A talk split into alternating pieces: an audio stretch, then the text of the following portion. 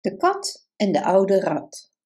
Er was eens een kat die zo waakzaam was dat de muis nauwelijks de punt van zijn snorharen durfde te laten zien, uit angst om levend te worden opgegeten. En die kat leek overal tegelijk te zijn, klaar om met zijn klauwen toe te slaan. Uiteindelijk bleven de muizen zo dicht bij hun holen dat de kat inzag dat hij zijn verstand goed moest gebruiken om een muis te vangen. Dus op een dag klom hij op een plank en ging eraan hangen, met zijn kop naar beneden, alsof hij dood was opgehangen. Daarbij bleef hij hangen door zich met één poot aan een paar touwen vast te klampen.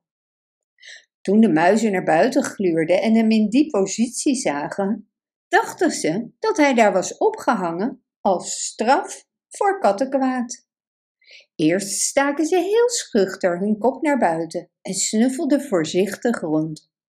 Maar toen er niets bewoog, dromden ze allemaal vrolijk naar buiten om de dood van de kat te vieren. Op dat moment liet de kat los en voordat de muizen van hun verbazing bekomen waren, had hij een einde aan drie of vier muizen gemaakt.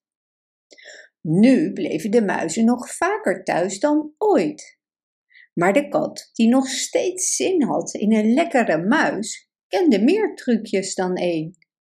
Hij rolde zich in het meel totdat hij helemaal bedekt was, ging vervolgens plat in de meelbak liggen en hield één oog open om de muizen te zien.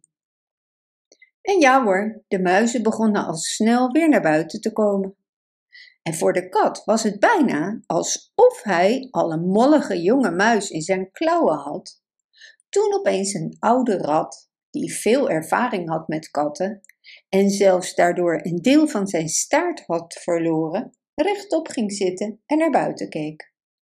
Hij zat op veilige afstand, in een gat in de muur waar hij woonde. Pas op, wees voorzichtig, riep hij. Dat mag dan zogenaamd een berg meel zijn, maar volgens mij lijkt dit heel erg op de kat. En wat het ook is, het is het verstandigste om op veilige afstand te blijven. Bedankt voor het luisteren.